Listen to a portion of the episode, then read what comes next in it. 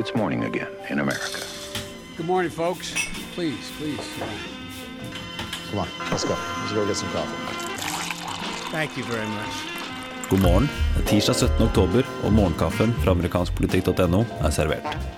I går sto president Trump side ved side av senatets majoritetsleder Mitch McConnell i rosehagen utenfor Det hvite hus, som om de var eh, best buddies. Eh, ikke særlig overbevisende. Hør her. We've been friends for a long time.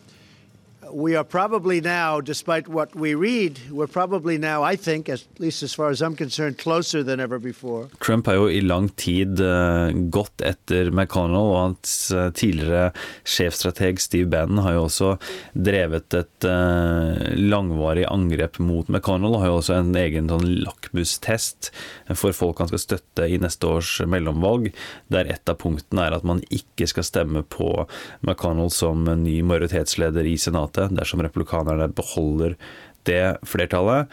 Trump og McConnell snakka uansett om eh, skattereform. Eh, de prøver jo nå faktisk eh, å få gjennom det, på tross at de ikke har fått til mye annet sammen. Og både Trump og McConnell understrekte at de ønsker å få en skattereform på plass før utgangen av 2017.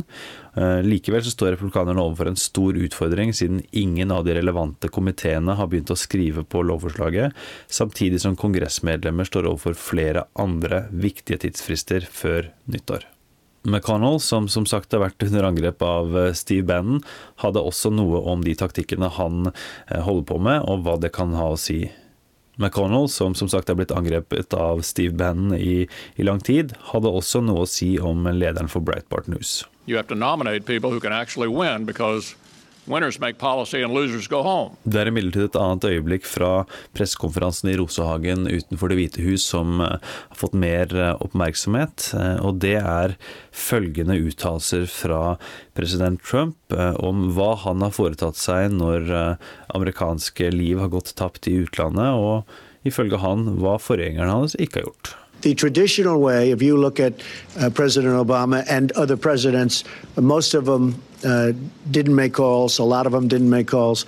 I like to call when it's appropriate, when I think I'm. Så det her er jo nokså velkjent eh, mønster. Idet Trump blir kritisert eh, for noe, så kritiserer han sine forgjengere, med tidligere president Barack Obama i spissen uavhengig av hva fakta i saken eh, måtte være. Disse anklagene fra Trump eh, har jo ikke rot i virkeligheten, og det har jo da blitt massiv kritikk eh, fra Obama-folk, og også andre for det Trump sa i går. Dagens utgave av Morgenkaffen er servert av Martin Totland og undertegnede Are Togflaten.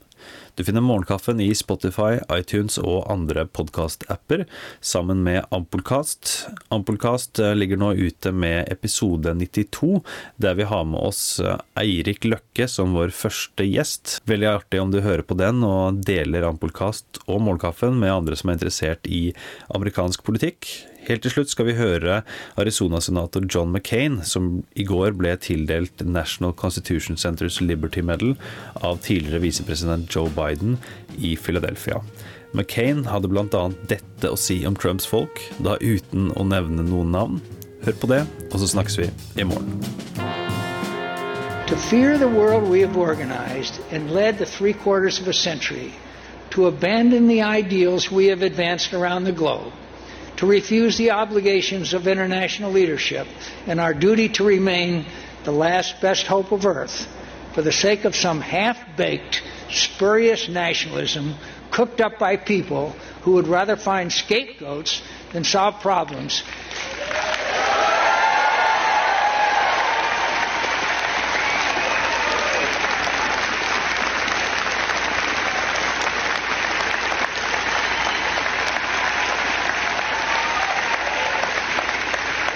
is as, un, is as unpatriotic as an attachment to any other tired dogma of the past that Americans consigned.